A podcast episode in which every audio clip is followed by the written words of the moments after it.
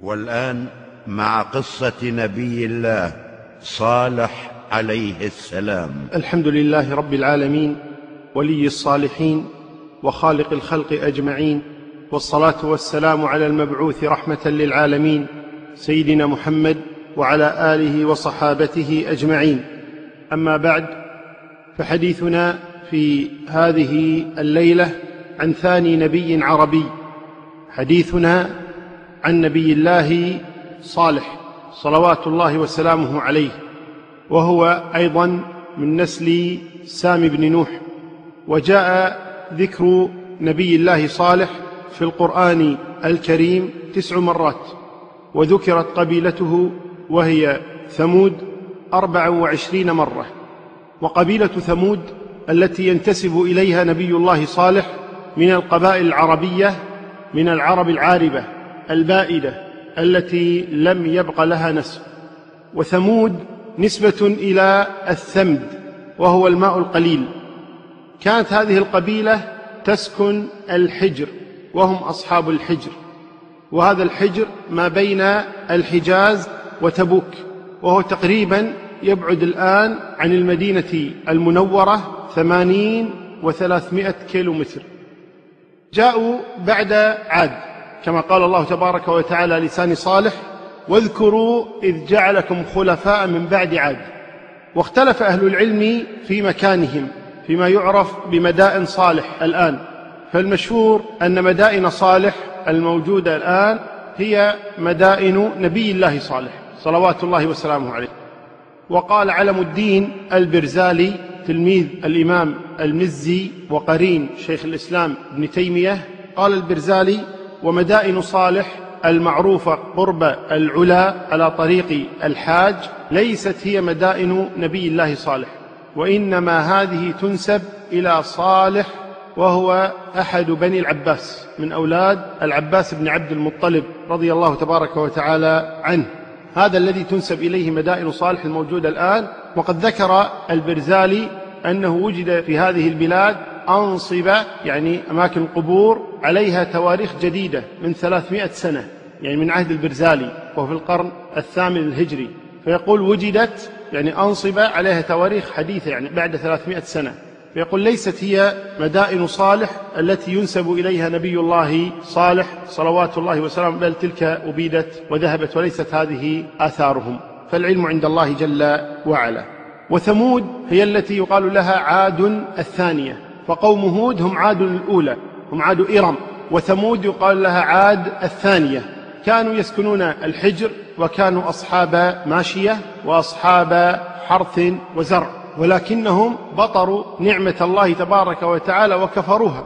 كما قال الله جل وعلا في وصف المشركين وتجعلون رزقكم أنكم تكذبون أي تجعلون شكركم تكذيبا. أي بدل أن يشكر العبد ربه تبارك وتعالى على ما أنعم عليه من النعمة والخير في هذه الحياة الدنيا فإنه جعل شكره تكذيبا. تكذيبا لمن؟ تكذيبا لله وتكذيبا لمن أرسلهم الله تبارك وتعالى. فعبدوا غير الله جل وعلا فأرسل الله سبحانه وتعالى كعادته وسنته أرسل إليهم رسولا أرسل إليهم رسولا منهم من أنفسهم. رجلا يعرفونه يعرفون خلقه ويعرفون دينه ويعرفون أمانته ألا وهو نبي الله صالح. فجاءهم نبي الله صالح فدعاهم إلى الله جل وعلا وذكرهم بنعم الله العظيمة التي أنعم بها عليهم وأتاهم بآية عظيمة ألا وهي آية الناقة كما سيأتي تفصيلها إن شاء الله تعالى. فكانت هذه الناقة ترد الماء يوما ويرد أهل القبيلة الماء يوما آخر. وفي اليوم الذي لا ترد فيه القبيله كانوا يردون إلى الناقة فيشربون من لبنها ذلك اليوم فيكفيهم جميعا. واستمر هذا الحال مدة طويلة إلى أن جاء اليوم الذي سئموا منه ما هم عليه فعقروا الناقة وعتوا عن أمر ربهم. يقول الله تبارك وتعالى في قصة صالح مع قومه ولقد أرسلنا إلى ثمود أخاهم صالحا أن اعبدوا الله فإذا هم فريقان يختصمون. إن أعظم خصام يكون في هذه الدنيا هو الخصام بين الكفر والإيمان. لا توجد أبدا خصومة أعظم من هذه الخصومة فإذا هم فريقان يختصمون. فريق آمن بنبي الله صالح واتبعه وفريق كفر بنبي الله صالح وخالفه.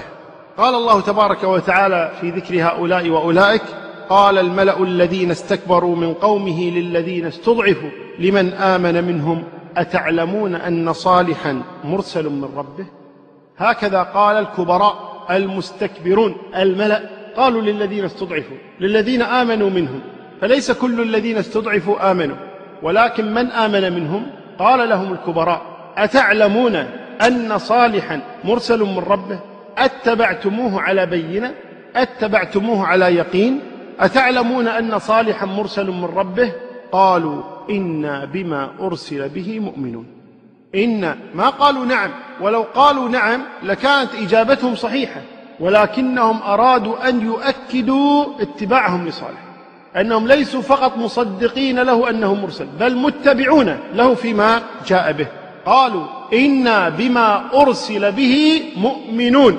قال الذين استكبروا إنا بالذي آمنتم به كافرون والعياذ بالله. وهكذا مضت سنة الله تبارك وتعالى أن الضعفاء هم أتباع الأنبياء. المستضعفون الفقراء المساكين الذين لا حول ولا طول ولا قوة لهم هم أتباع الأنبياء. وذلك أنهم معتادون على تقبل الأمر والنهي. ثم هم مرؤوسون. فإذا كانوا مرؤوسين لظالم من البشر فأولى بهم أن يكونوا مرؤوسين للصالحين من البشر. وهم أنبياء الله صلوات الله وسلامه عليه. وعكسهم تماما الكبراء الذين ما تعودوا أبدا أن تصدر إليهم الأوامر والنواهي. بل تعودوا أن يصدروا هم الأوامر والنواهي. ما تعودوا أبدا أن يكونوا تابعين بل تعودوا دائما أن يكونوا متبوعين.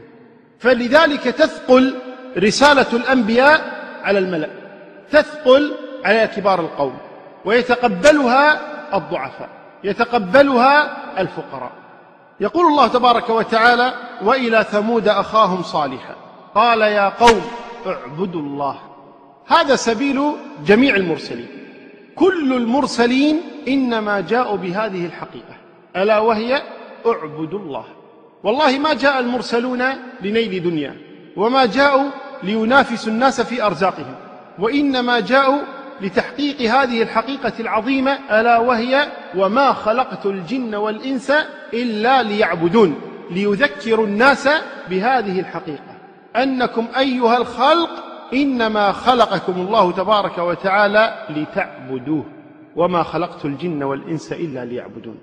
فصالح إذن من هؤلاء الأنبياء الذين جاءوا لتحقق هذه الكلمة. والله ما نافس نوح قومه على رئاسة البلد ولا على الحكم ولا نافسهم هود ولا صالح ولا كما سيأتينا نبي الله إبراهيم نافس النمرود على الحكم. ولا نافس موسى فرعون على الحكم ولا يوسف نازعهم على الحكم ولا عيسى ولا محمد صلوات الله وسلامه عليهم أجمعين. وإنما جاءوا لتحقق هذه الحقيقة العظيمة ألا وهي أن اعبدوا الله. هذه هي الحقيقة التي بها أرسل جميع الأنبياء. وهكذا أيضا تكون النتيجة دائما هناك من يتبع الأنبياء وهناك من يتجبر ويعاند ويجادل الأنبياء على ما جاءوا به من الحق. بدأ معهم صالح صلوات الله وسلامه عليه. فقال لقومه هو الذي أنشأكم في الأرض واستعمركم فيها. لستم أنتم الذين لكم الفضل في مجيئكم إلى هذه الحياة الدنيا. بل الله سبحانه وتعالى هو الذي أنشأكم فإن كان كذلك هو الذي أنشأكم بل وهو الذي استعمركم في الأرض فلما يعبد غيره؟ ماذا بالله عليكم فعلت لكم هذه الأصنام حتى تعبد؟ أنتم صنعتموها أنتم أوجدتموها أنتم أنشأتموها. فكيف تعبدون من أنشأتم ولا تعبدون من أنشأكم؟ واستعمركم فيها. واستعمركم هنا تحتمل معنيين. تحتمل أنه استعمركم فيها أي عمركم. بلغتم سنين عددا في هذه الأرض عشتم سنين طوالا استعمركم في الأرض عمرتم. أو استعمركم في الأرض أي جعلكم معمرين لهذه الأرض تبنونها. ولذلك جاء في الآيات الأخرى تتخذون من سهولها قصورا وتنحتون الجبال بيوتا. وهذا أظهر. أن المقصود أنه استعمركم أي جعلكم معمرين لهذه الأرض ما تبنون فيها.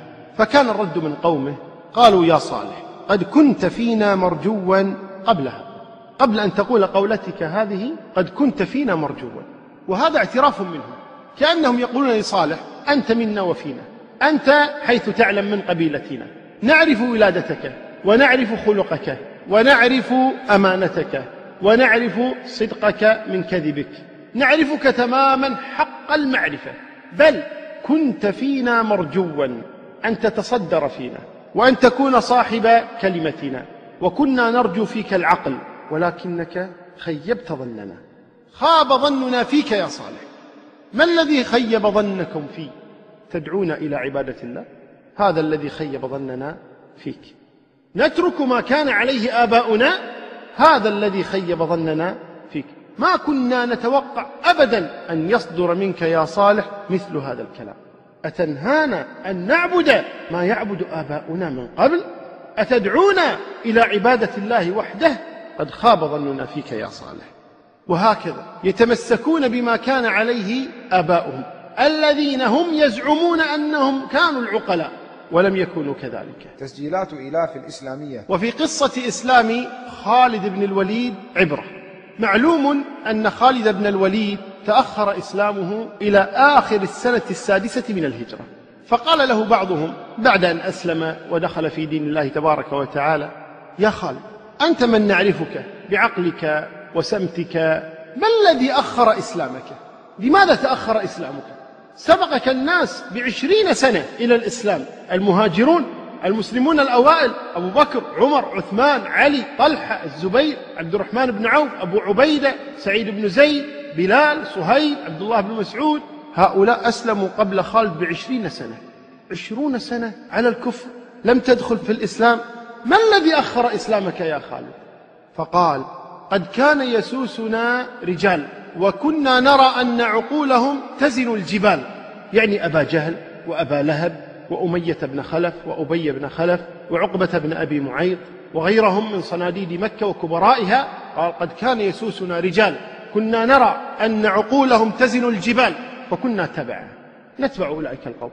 فلما ماتوا في بدر ورجع الناس إلينا فكرنا في الأمر فعرفنا الحق فاتبعنا. إذا في السابق ما كان يفكر ما كان يسمح لنفسه أبدا أن يفكر. اتباعا للآباء اتباعا للأجداد اتباعا للكبراء. ما كان يفكر. فلما رجع الأمر إليه وصار من كبار مكة من كبار قريش فكر. فلما فكر عرف الحق فاتبعه. وهذه هي طبيعة الكفار. يلغون عقولهم لا يفكرون في الحجج التي يأتي بها رسول الله صلوات الله وسلامه عليه بحجة تقليدهم للآباء. يقول الله جل وعلا وكذلك ما أرسلنا من قبلك في قرية من نذير إلا قال مترفوها. إنا وجدنا آباءنا على أمة وإنا على آثارهم مقتدون. طبيعة واحدة رواية واحدة لا تتغير ما يقال لك إلا ما قد قيل للرسل من قبل. أبدا.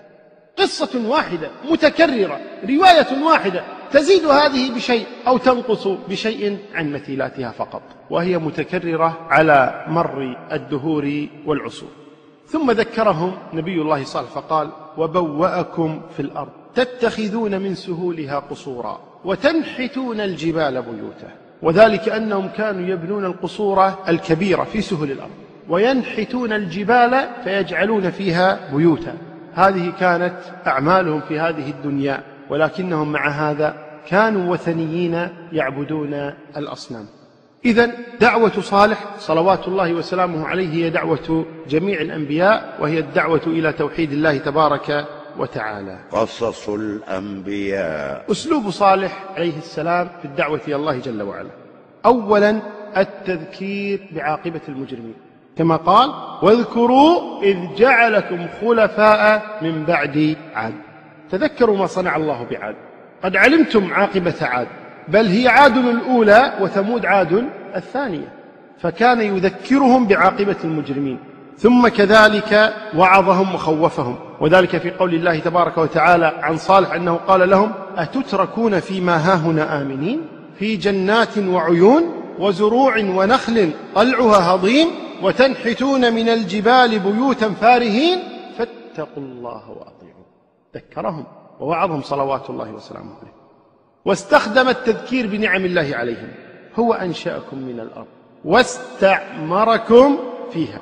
هنا ربط النعمة بالمنعم. من الذي أنشأكم؟ الله. وإنشاؤكم نعمة. نعمة من منعم. ألا يشكر؟ هذا المنعم يذكرهم بنعمة الله تبارك وتعالى.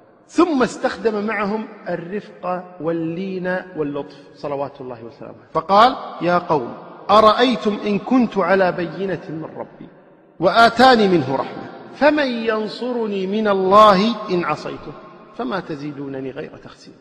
يقدم لهم عرضا واضحا أنا يا قوم رسول من الله تبارك وتعالى مرسل إليكم من ينصرني من الله إن عصيته لماذا تأمرونني أن أعصي الله تبارك وتعالى؟ لماذا تأمرونني أن أسكت عن الحق عن الدعوة إلى الله تبارك وتعالى؟ فهذا لطف ولين من نبي الله صالح صلوات الله وسلامه عليه. فما كان موقف قومه؟ أولا السخرية والاستهزاء والاتهام. قالوا يا صالح قد كنت فينا مرجوا قبل هذا. أتنهانا أن نعبد ما يعبد آباؤنا؟ وإننا لفي شك مما تدعونا إليه مريب. نحن في شك من كلامك ودعوتك وفي ريبة من أمرك. قد كنت فينا مرجوا قبل هذا أما الآن فلست كذلك. بل اتهموه بأنه مسحور فقالوا إنما أنت من المسحرين. أصبت في عقلك كما قالوا لهود وكما قالوا لنوح وكما سيقولون للأنبياء من بعدهم. أتواصوا به؟ أيوصي كل قوم قوما؟ هي كذلك. ما يقال لك إلا ما قد قيل للرسل من قبل. أبدا. شيء متكرر. كذلك من موقفهم رفض الدعوة. رفضوا دعوته بحجج واهية. أتنهانا أن نعبد ما يعبد آباؤنا؟ تقليد أعمى. لا يجوز للإنسان أن يحتج بمثل هذه الحجة الواهية. ألأن آباءكم كانوا كذلك فأنتم تبقون على ما كانوا؟ ولذلك لما جاء الموت أبا طالب وهو على فراش الموت والنبي صلى الله عليه وسلم يذكره يقول يا عم قل لا إله إلا الله كلمة أشفع لك بها عند الله.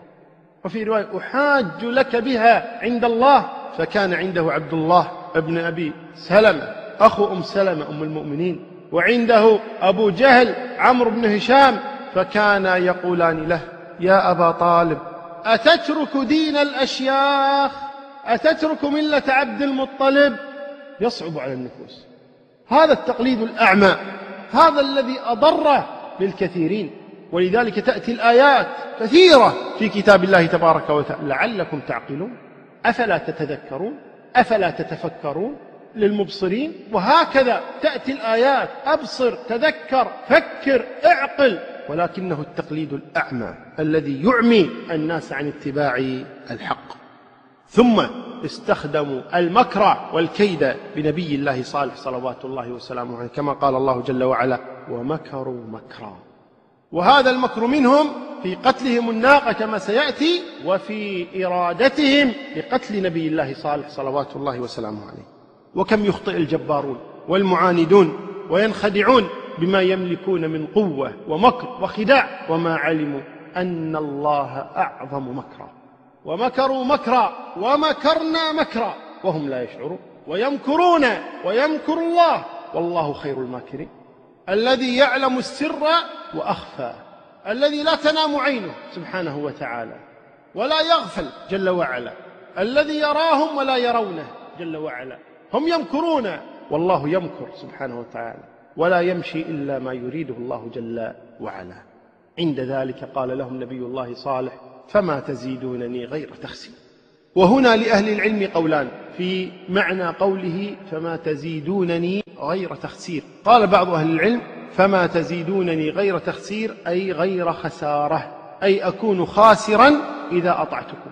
والقول الثاني وهو أصح فما تزيدونني غير تخسير أي ما تزيدونني بكلامكم هذا إلا يقينا أنكم خسرون فالخسارة عائدة إليهم لا إلى صالح. صلوات الله. تزيدونني تخسيرا أي تزيدونني يقينا بأنكم خاسرون. وهذا أظهر. لأن في قوله فما تزيدونني غير تخسير إذا قلنا إن صالحا يقول ما تزيدونني أنا إلا خسارة فكأن أثبتنا لصالح بعض الخسارة وهم يزيدونه خسارة. فكأن أثبتنا أصل الخسارة لصالح ثم هم يزيدونه تخسيرا. ولكن إذا قلنا إن التخسير عائد إليهم فهم في خسار وإلى خسار.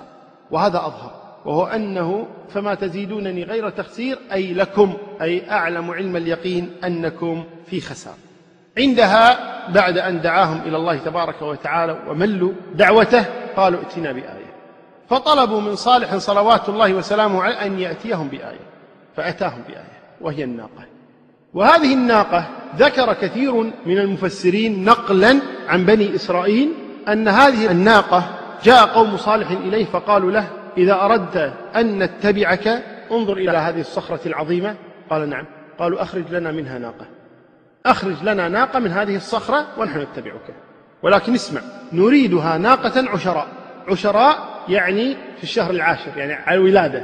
يعني مثل المرأة نفساء ناقة عشراء. يعني الآن ولدت معها فصيلها. قالوا أخرج من هذه الصخرة ناقة عشراء. هذا ذكره كثيرون أن الناقة طلبوا من صالح أن يخرجها من صخرة. فقال لهم صالح عليه السلام أرأيتم إن فعلت؟ أتؤمنون؟ قالوا نعم.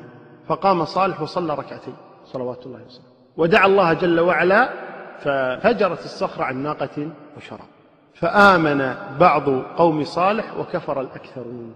وهذا شبيه تماما بقصة قريش مع النبي صلى الله عليه وسلم. لما جاءوه وقالوا إن كنت صادقا فشق لنا القمر نصفين. فقال لهم النبي صلى الله عليه وسلم أرأيتم إن فعلت؟ وانشق القمر نصفين. أتؤمنون؟ قالوا نعم. وما لنا ألا نؤمن. فدعا الله تبارك وتعالى فشق الله القمر نصفين حتى رأوا جبل أبي قبيس بينهما بين نصفي القمر. فقالوا جئت بسحر عظيم. وهذا مصداق قول الله تبارك وتعالى اقتربت الساعة وانشق القمر وإن يروا آية يعرضوا ويقولوا سحر مستمر أي قوي شديد سحر عظيم شق القمر نصفين. أي سحر أعظم من هذا؟ وما علموا أنها الرسالة وإنها الآيات وليس السحر كما زعموا وكذبوا لعمر الله تبارك وتعالى. وإذا قال الله جل وعلا عنهم فإنهم لا يكذبونك. ولكن الظالمين بآيات الله يجحدون. هذا هو المشهور في كتب كثير من أهل العلم أن الناقة خرجت من الصخرة. وأما المشهور في كتاب الله وفي سنة النبي صلى الله عليه وسلم أنها جاءتهم ناقة. ولم يذكر أنها خرجت من صخرة ولم يذكر أنها كانت عشراء وإنما ذكر أنها ناقة. لها شرب ولكم شرب يوم معلوم. فلا تمسوها بسوء فيأخذكم عذاب يوم. إذن هي ناقة. الله أعلم خرجت من صخرة لم تخرج من صخرة وإنما هي ناقة وكانت آية. وهذه الناقة عظيمة بحيث أن الناس كلهم يشربون في يوم والناقة تشرب في يوم. لها شر ولكم شر. أبدا كل له شر. هذا هو المعلوم عن الناقة في كتاب الله وسنة النبي صلى الله عليه وآله وسلم. وأما ما يقال غير ذلك فكله الله أعلم. ولكن المعلوم أن هذه الناقة نسبها الله لنفسه. فقال ناقة الله وسقياها. والله لا ينسب الشيء إلى نفسه إلا تعظيما له. روح الله ناقة الله بيت الله. فكلما نسب الله شيئا إلى نفسه فهذا لتعظيمه وتشريفه. فهذه نسبها الله إليه. ونسبتها إلى الله كما قال أهل العلم إما أن يكون للتشريف والتكريم والتعظيم لهذه الناقة. وإما لأن هذه الناقة لا مالك لها من البشر فتنسب إلى مالكها الأصلي وهو الله سبحانه وتعالى. وإما نسبت إلى الله لأنها خرجت من الصخرة كما قيل ليس لها أب معلوم ولا أم فنسبت إلى الله لم تتطور بالخلق كما يتطور غيرها وإنما خلقت من غير ذكر ولا أنثى. ولذلك يلغزون يعني بعض الناس يلغزون فيقولون ثلاثة لم يكونوا من ذكر ولا أنثى. ما هي هذه الثلاثة؟ فيقول ناقة صالح وعصا موسى وسفينة نوح يعني لم يكن لها مثيل من قبل. فالله أعلم بهذا. ولكن الشاهد من هذا أن هذه الناقة لها شأن عظيم. هذا الذي نريد أن نصل إليه وهو أن هذه الناقة لها شأن عظيم عند الله تبارك وتعالى. فقال فذروها تأكل في أرض الله. إذا هي ناقة الله وهذه أرض الله. ذروها إذا تأكل في أرض الله. لا تأكل من زروعكم التي زرعتموها أنتم ولكن تأكل من أرض الله مما أنبته الله سبحانه وتعالى. ثم قال ولا تمسوها بسوء لا تمسوا هذه الناقة بسوء أي سوء؟ في أكلها في شربها في الإضرار بها بقتلها بعقرها بأي سوء؟ سوء نكرة أي بأي سوء؟ لا تمسوها بسوء فيأخذكم عذاب. عذاب إذا مسستم هذه الناقة بسوء. ثم قال فاذكروا آلاء الله ولا تعثوا في الأرض مفسدين. إذا هذه هي الناقة. يقول الله تبارك وتعالى عن أولئك القوم كذبت ثمود بالنذر فقالوا أبشرا منا واحدا نتبعه إنا إذا لفي ضلال وسعر. ألقي الذكر عليه من بيننا بل هو كذاب أشر. هذا أيضا من اتهامهم لنبي الله صالح أنهم اتهموه بالكذب بل بالكذب الشديد فقالوا كذاب أشر. استمر هذا أياما ثم بعد ذلك عقروا الناقة كما قال الله تبارك وتعالى فعقروا الناقة وعتوا عن أمر ربهم وقالوا يا صالح ائتنا بما تعدنا إن كنت من المرسلين. كيف قتلت هذه الناقة؟ ذكر أهل العلم أنه قتلها امرأة يقال لها صدوق بنت المحيا وهذه المرأة جاءت لرجل يقال له مصرع ابن مهرج. جاءت هذه المرأة وعرضت نفسه عليها وكانت امرأة جميلة. فقالت أتزوجك؟ ومهري ناقة صالح. وذكرت قصة أخرى وهي لامرأة اسمها عنيزة. عجوز هذه المرأة لها أربع بنات. فجاءت لرجل يقال له قدار ابن سالف. فقالت له أزوجك أي بناتي شئت إن قتلت ناقة صالح؟ يقال هذا ويقال هذا ويقال الاثنان معا. يعني مصرع ابن مهرج وقدار ابن سالف اجتمع هذان ودعيا قومهما فاستجاب لهم سبعة آخرون كما قال الله تبارك وتعالى وكان في المدينة تسعة رهط يفسدون في الأرض ولا يصلحون. أي هؤلاء التسعة ومنهم مصرع وقدار. فلما صدرت الناقة أي بعد أن وردت الماء وشربت في يومها صدرت أي تركت الماء رماها مصرع بسهم فوقع السهم في ساقها أي في ساق الناقة فخرجت النساء يهيجن القبيلة وكشفن عن وجوههن وحسرن عن شعورهن وصرن يصحن بالناس اقتلوا الناقة اقتلوا الناقة. فقام إليها قدار بن سالف هذا فشد عليها بالسيف فخرت ساقطة ثم طعنها في لبتها. وقد ذكرنا أنه كان لها فصيل يعني ولد صغير ابن الناقة الفصيل. لما رأى قتل أمه فر هذا الفصيل وصعد على الجبل ثم رغى ثلاث رغيات. وقيل إنه قتل مع أمه يعني الفصيل. والقرآن والسنة لم يأت فيهما ذكر لهذا الفصيل وإنما ذكرت الناقة وحدها. فالله أعلم. عاقر الناقة هو قدار بن سالف. أخبر عنه النبي صلى الله عليه وسلم فقال انتدب لها رجل ذو عزة ومنعة في قومه كأبي زمعة. وهذا الحديث أخرجه الإمام البخاري في صحيحه. ما ذكر النبي اسمه ولكن ذكر صفته. قال انتدبها رجل ذو عزة. ذو عزة يعني أنه قليل مثله ما في مثل هذا الرجل. ثم قال ومنعه ذو عزة ومنعه يعني شهامة صاحب شهامة وقوة. ثم قال منيع في رهطه أي له مكانة وقدرة وقدر في قومه. هذا هو قاتل الناقة. وقد جاء من حديث عمار بن ياسر عن النبي صلى الله عليه وسلم أنه قال لعلي رضي الله عنه ألا أحدثك بأشقى الناس؟ فقال علي بلى يا رسول الله. قال رجلان أحدهما أحيمر ثمود الذي عقر الناقة والثاني الذي يضربك يا علي. وهذا أخرجه ابن أبي حاتم وفيه ضعف. قال الله تبارك وتعالى كذبت ثمود بطغواها إذ انبعث أشقاها. فقال لهم رسول الله ناقة الله وسقياها. فكذبوه فعقروها. الذي عقرها واحد والله تبارك وتعالى يقول فعقروها فنسب العقر إلى الجميع. وقال في الأعراف فعقروا الناقة وعتوا عن أمر ربهم فنسب العقر إلى الجميع ولم ينسبه إلى قدار بن سالف أو مصرع بن مهرب وإنما نسبه إلى جميع ثمود وذلك لرضا الجميع بقتل الناقة ولذلك جاء عن قتادة رضي الله عنه ورحمه أنه قال إن عاقر الناقة قال لا أقتلها حتى ترضوا جميعا. لا أقتلها حتى ترضوا جميعا. فجعلوا يذهبون ويسألون الناس حتى كانوا يدخلون على المرأة في خدرها. ويقول لها أترضين أن تقتل الناقة؟ فتقول نعم. حتى سألوا الصبية أترضى أن تعقر الناقة؟ فقالوا نعم. فلذلك نسب الله تبارك وتعالى عقر الناقة إلى جميع ثمود وكلهم عقروا الناقة. وفي قول الله تبارك وتعالى فعقروا الناقة وعتوا عن أمر ربهم وقالوا يا صالح ائتنا بما تعدنا إن كنت من المرسلين. وهذا من أشنع الكفر والعناد والجبروت والجهل والعياذ بالله. وذلك أنهم جمعوا في كلامهم هذا كفرا بليغا من أوجه كثيرة. أولا خالفوا أمر الله وأمر رسوله لأنه قال ولا تمسوها بسوء. فهم لم يكتفوا بمسها بسوء حتى عقروها وقتلوها والعياذ بالله. ثم كذلك استهزأوا برسولهم عندما قالوا إن كنت من المرسلين. فهذا تكذيب له واستهزاء به. صلوات الله وسلامه عليه. ثم كذلك استعجلوا وقوع العذاب. فقالوا ائتنا بما تعدنا إن كنت من المرسلين. وهذا حال الكفار في كل زمان ومكان.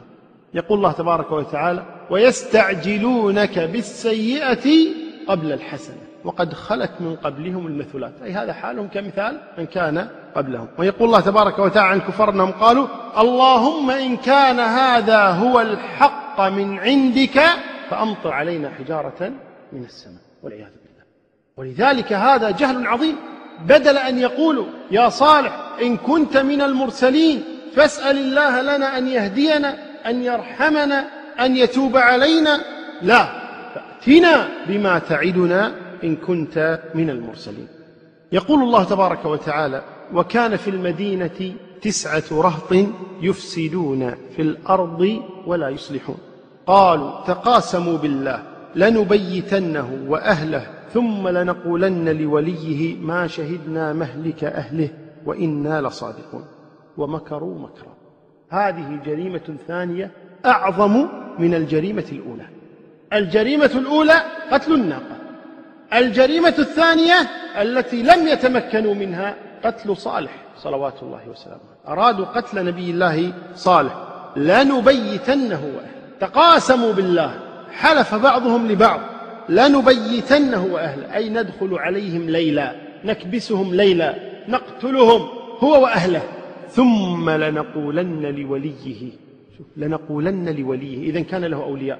كان له رهط. كانت له قبيلة. كان هناك من يدافع عنه. وهذا يدل على أنهم كانوا يخافون منهم. ويحسبون لهم ألف حساب. وإذا قصدوه ليلا ولذلك أرادوا أن يعتذروا لأهله. ثم لنقولن لوليه ما شهدنا مهلك أهله وإنا لصادقون. انظروا إلى قولهم وإنا لصادقون. هذا عجيب. قال بعض أهل العلم إنا لصادقون. إنهم ما شهدوا لأنهم جاءوهم ليلا وقتلوهم ليلا ظلمة ما رأوا شيئا. فيقول ما رأينا مهلك يعني تورية. ما رأينا شيء ما رأينا مهلك. إحنا قتلناهم نعلك ما رأينا مهلك أهله. هذا نوع من التورية على نبي الله صالح أو يكون من باب الاستهزاء والسخرية. وإنا لصادقون. أي فيما نقول. هذا مكرهم. يقول الله تبارك وتعالى ومكروا مكرا. ومكرنا مكرا وهم لا يشعرون. فانظر كيف كان عاقبة مكرهم. نتيجة. هم مكروا والله مكر. سبحانه وتعالى. نتيجة. فانظر كيف كان عاقبة مكرهم. أنا دمرناهم وقومهم أجمعين. هذه هي النتيجة. أن الله دمرهم سبحانه وتعالى. وفي قولهم ثم لنقولن لوليه ما شهدنا مهلك أهله هو تماما كما سيقوله قوم شعيب لشعيب صلوات الله وسلامه عليه قالوا يا شعيب ما نفقه كثيرا مما تقول وإنا لنراك فينا ضعيفا. ولولا رهطك لرجمناك. يمنعنا رهطك كما منع رهط صالح صالحا صلوات الله وسلامه عليه. وقالوا من خبثهم وضلالهم نقتل صالح فإن كان صادقا عجلناه إلى الجنة. وإن كان كاذبا ألحقناه بناقته. هكذا كانوا يقولون. قتلوا الناقة قرروا أن يقتلوا نبي الله صالح. هذا مكروه. الآن التدخل من فوق تدخل من الله تبارك وتعالى. يريدون المكر بنبيه ورسوله صالح صلوات الله وسلامه عليه. فمنع الله عنهم المطر تخويفا وإنذارا. فقال المستكبرون من أولئك القوم إن صالحا سبب منع المطر وهو شؤم علينا. هو ومن معه من المؤمنين. قالوا طيرنا بك وبمن معك. يعني منع منا المطر بشؤمك أنت ومن معك. قال طائركم عند الله. الشؤم منكم هذا عذاب من الله. طائركم معكم. أئن ذكرتم أو أذكركم بعبادة الله الذي ينعم عليكم بالليل والنهار ثم أكون أنا شؤما عليك. أنتم الشؤم. منعتم المطر بسبب معاصيكم. وهذا التطير معروف عند الجميع. وذاك يأتي التطير في قصة تابع موسى صلوات الله وسلامه عليه الذي جاء إلى القرية ودعاهم إلى الله تبارك وتعالى وجاء معه مرسلون آخرون فدعوهم إلى الله تبارك وتعالى قالوا إنا تطيرنا بكم. قالوا طائركم معكم. أين ذكرتم؟ بل أنتم قوم مسرفون يتطيرون بهم يتطيرون بالمؤمنين. والتطير عند العرب هو أن الواحد منهم إذا قصد شيئا سفرا زواجا تجارة أي شيء يأخذ طيرا ثم يتركه يطير. فإذا اتجه الطير جهة اليمين قالوا خيرا فيتجهون إلى مقصدهم. وإذا اتجه الطير جهة اليسار قالوا شرا فيمتنعون عن هذا العمل. وهذا من أجهل الجهل. فالطير بهيمة لا تفهم ولا تدري ما يريدون من الأعمال فهو يطير حيث شاء يمينا أو شمالا. وذاك ذكر أن طاووس بن كيسان إمام من أئمة التابعين سافر مع رجل وهما في الطريق مر غراب فنعق. يعني صح الغراب. فقال الرجل هذا الذي مع طاووس خير خير. فالتفت إليه طاووس قال أي خير في غراب نعق. أي خير في هذا وأي شر؟ والله لا أسافر معك أبدا. ولذلك عندنا نحن هنا في هذه البلاد إذا شافوا أبو بشير ها قالوا خير. جاء الخير. لا يأتي خير ولا يأتي شر. ولذلك سموه أبو بشير يعني المبشر بالخير وهو لا يبشر بخير ولا يبشر بشر. تسجيلات إيلاف الإسلامية. ظلوا بعد هذه المدة وانقطاع المطر عنهم وطلبوا من صالح أن يستعجل لهم العذاب. فلما وعدهم صالح ثلاثة أيام. بعد ثلاثة أيام يأتيكم العذاب. وعد غير مكذوب. فجاء يوم الأحد وهو اليوم الثالث الذي جاءهم فيه الهلاك. بدأ العذاب من يوم الخميس. وذلك أنهم أصبحوا فإذا وجوههم مصفرة. كل يرى الثاني وجهه مصفرا. فجاءوا يوم الجمعة فإذا وجوههم محمرة. فجاءوا يوم السبت فإذا وجوههم مسودة. فجلسوا في أماكنهم ينتظرون العذاب. سبحان الله. شيء عجيب. وفعلا لما جاء يوم الأحد بمجرد أن أشرقت الشمس فإذا العذاب قد عمهم جميعا. يقول الحافظ ابن كثير رحمه الله تعالى وعدهم به صالح صيحة من السماء من فوقهم ورجفة شديدة من أسفل منهم ففاضت الأرواح وزهقت النفوس وحقت الحقائق فأصبحوا في دارهم جاثمين لا أرواح فيها ولا حراك بها. وقد ذكر الله عذابهم في أكثر من آية فقال جل وعلا فأخذتهم الرجفة في الأعراف وقال في هود فأخذ الذين ظلموا الصيحة. وقال في الشعراء فأخذهم العذاب. وقال في النمل أنا دمرناهم. وقال في فصلت فأخذتهم صاعقة العذاب الهون. وقال في القمر إنا أرسلنا عليهم صيحة واحدة فكانوا كهشيم المحتضر. أي كالهشيم المتفتت الزرع اليابس المتفتت والعياذ بالله. يقول جل وعلا بعد أن أهلكهم وأبادهم سبحانه وتعالى كأن لم يغنوا فيها.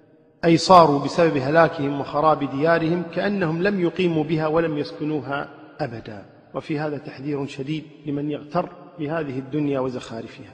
والله إنه لمشهد مؤثر. ما بين الحياة والموت إلا لمحة واحدة أو غمضة عين. كأن لم يغنوا فيها. كأن لم يكن. ما سبق من حياة تتخذون من سهولها قصورا وتنحتون الجبال بيوتا. زرور. وأنهار وخير كأن لم يغنوا فيها. فتولى عنهم. أي نبي الله صالح. وقال يا قوم لقد أبلغتكم رسالة ربي ونصحت لكم ولكن لا تحبون الناصحين. وهنا كلمهم بعد هلاكهم. مر عليهم وهم جثث. جثث هامدة متناثرة جاثمين. مر عليهم نبي الله صالح. وخاطبهم قائلا صلوات الله وسلامه عليه. لقد أبلغتكم رسالة ربي ونصحت لكم ولكن لا تحبون النصح وهذا حق. كما خاطب النبي صلى الله عليه وسلم أهل بدر. أهل قليب بدر لما جاءهم نبي الله صلوات الله وسلامه عليه جلس عند رأس البئر. بعد أن ألقي كفار مكة في بئر بدر جاءهم النبي صلى الله عليه وسلم وبدأ ينظر في البئر ويقول هل وجدتم ما وعد ربكم حقا? فإنا وجدنا ما وعد ربنا حقا. فهل وجدتم ما وعد ربكم حقا؟ فالتفت إليه عمر. قال يا رسول الله إنهم أموات. قال والله يا عمر ما أنت بأسمع لي منهم. يسمعون. يسمعهم الله. خزي في الحياة الدنيا.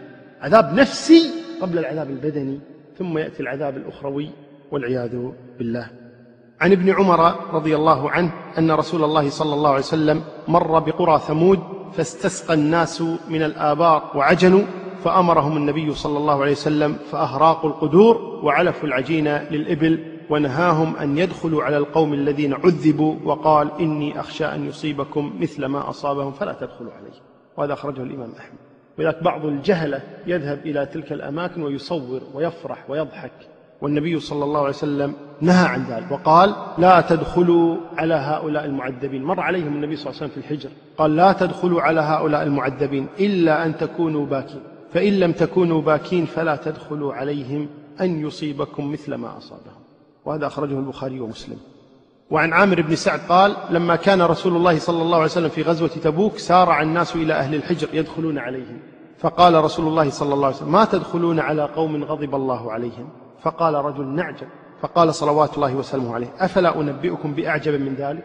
رجل من أنفسكم ينبئكم بما كان قبلكم وما هو كائن بعدكم؟ فاستقيموا وسددوا فإن الله لا يعبأ بعذابكم شيئا. تسجيلات إيلاف الإسلامية. العبر والدروس من هذه القصة العظيمة أولا أن جميع الأنبياء دعوتهم واحدة. ومن كذب واحدا فقد كذب الجميع كما قال الله جل وعلا كذبت ثمود المرسلين.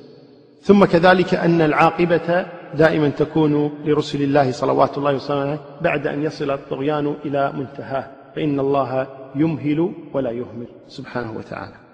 إن من أكبر موانع قبول الحق اتباع الآباء. وإن الآيات مهما كانت واضحة فإن المجرمين قد لا يهتدون بها كما رأوا الناقة ثم لم يؤمنوا بها والله أعلى وأعلم. وصلى الله وسلم وبارك على نبينا محمد. قصص الأنبياء. أفلم